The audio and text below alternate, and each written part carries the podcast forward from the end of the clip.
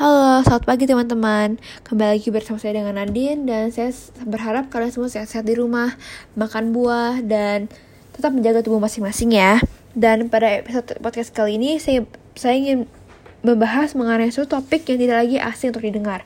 Karena topik ini sudah dibahas di mana-mana, di YouTube, di Instagram, dan di berbagai sosial media lainnya.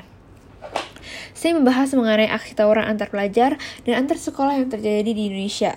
Tawuran sepertinya sudah menjadi sebuah tren di kalangan para siswa dan anak remaja, terutama di sekolah negeri. Berdasarkan hasil riset data pemerintah dari tahun 2014 sampai tahun 2016 menunjukkan bahwa anak pelaku tawuran pada tahun 2014 mencapai angka 46 kasus. Dan pada tahun 2015, angka tersebut melonjak menuju 126 kasus, serta tahun 2016 menurun ke 41 kasus. Angka tersebut terlihat sedikit, namun memiliki efek yang besar bagi pelajar lainnya karena mereka berpikir bahwa tawuran bukanlah hal yang mengerikan karena tidak lagi angka yang besar dari hasil tawuran tersebut. Tawuran para siswa disebabkan oleh berbagai macam faktor, di antaranya adalah hubungan pertemanan yang kurang baik antara sesama pelajar atau sekolah, tumbuhnya jiwa premanisme, kurangnya perhatian dari guru orang tua, dan perasaan gengsi. Kalian tahu gak sih, banyak dari remaja masa kini yang merasa kurang keren apabila mereka tidak mengikuti aksi tawuran yang sebenarnya dapat melukai diri, diri mereka sendiri dan menempatkan diri mereka di posisi yang kurang baik. Karena masih berpikir-pikir, tawuran merupakan hal yang menyeramkan yang mengakibatkan banyak sekali korban.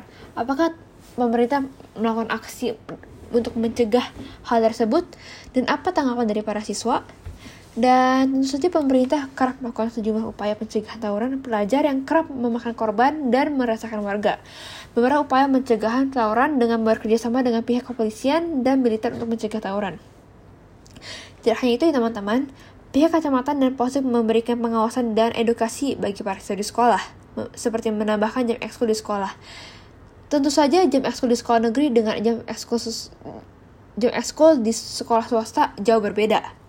Pemerintah juga menambahkan satu program yaitu penambahan gerakan kegiatan mengaji bersama setelah maghrib dan setelah dan setelah maghrib mereka akan kembali melakukan kegiatan bersama-sama seperti mengerjakan tugas sekolah, olahraga, membaca buku ataupun bermain bersama.